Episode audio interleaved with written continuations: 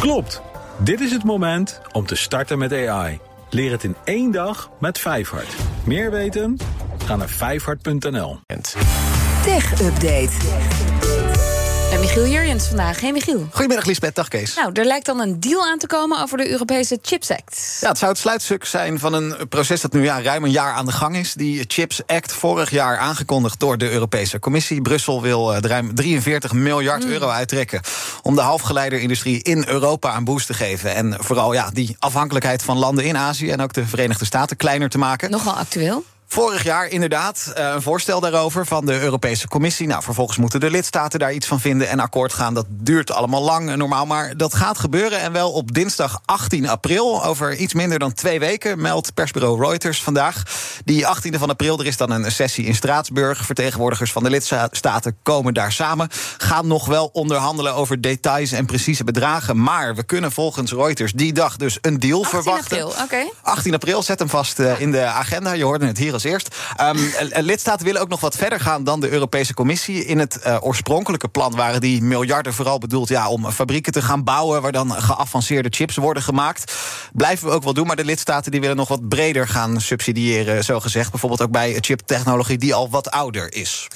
En dan, ja, we hebben het er hier al eerder over gehad... een pauze voor de ontwikkeling van ja. AI. Maar nu heeft ook Joe Biden zich daarover uitgesproken. Ja, en dat vind ik interessant. Ten eerste omdat het de eerste keer is... dat de Amerikaanse president hier iets over zegt. Maar ook, ja, jij zegt het, Lisbeth... er is zoveel discussie over chatbots... over diensten die hyperrealistische foto's en zelfs video's ja, kunnen maken. Die, over... die arrestatie van Trump, ja. die ging al voorbij. Exact, ja. Er waren al foto's van... in een puffer. met, die, met die jas. Zag er wel echt goed uit. Maar het was nep en heel veel mensen hadden dat niet door... en dat maakt het meteen een beetje eng. Uh, de AI die zo slim wordt dat het autonome keuzes kan gaan maken. Onze banen die in gevaar zouden zijn.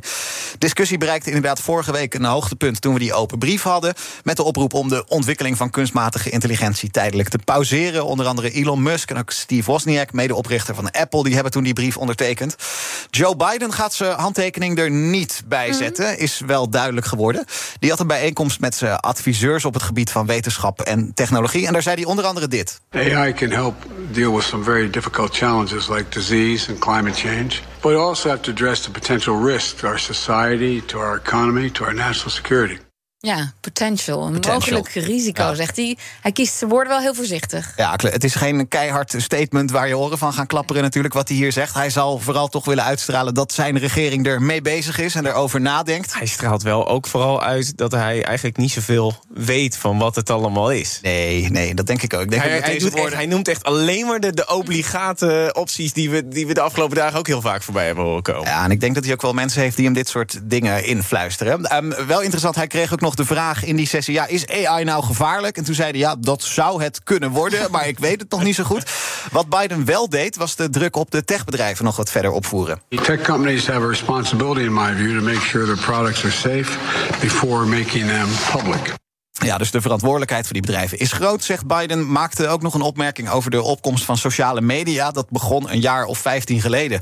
Eigenlijk zonder enige vorm van beschermingsmechanisme. Dat kon allemaal maar dat gebeuren. Dat is ook learning by doing, zeg maar. Ja, ja, zegt dat wel, ja. Maar daar zien we volgens Biden nu de gevolgen van. Onder andere als het gaat om ja, mentale gezondheid bij vooral jonge mensen. Maar um, interessant om uh, hem ook een keer hierover te horen. Ja, misschien nog wel vaker. Zou best kunnen, ja. Over AI gesproken. ChatGPT heeft bijna zijn eerste rechtszaak voor smaad en laster te pakken. Ja, want wat doe je als een AI-bot zoals ChatGPT dingen over jou schrijft die gewoon pertinent onwaar zijn? Wat moet je dan doen? Jurisprudentie, die is er niet, want het is een gloednieuw fenomeen. Maar de burgemeester van een klein stadje in Australië, die dreigt nu met een smaadzaak tegen OpenAI, het bedrijf achter ChatGPT. Die man die heet Brian Hood. Hij is burgemeester van Hepburn in de staat Victoria, zo'n 100 kilometer buiten Melbourne.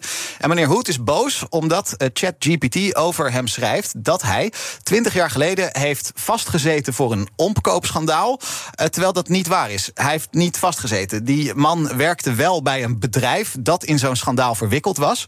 Maar hij was juist degene die ja, als klokkenluider dat aan het licht oh, heeft gebracht. Toen is die hele zaak gaan lopen. Maar hij zelf is nooit ergens voor aangeklaagd. Laat staan dat hij vastgezeten heeft.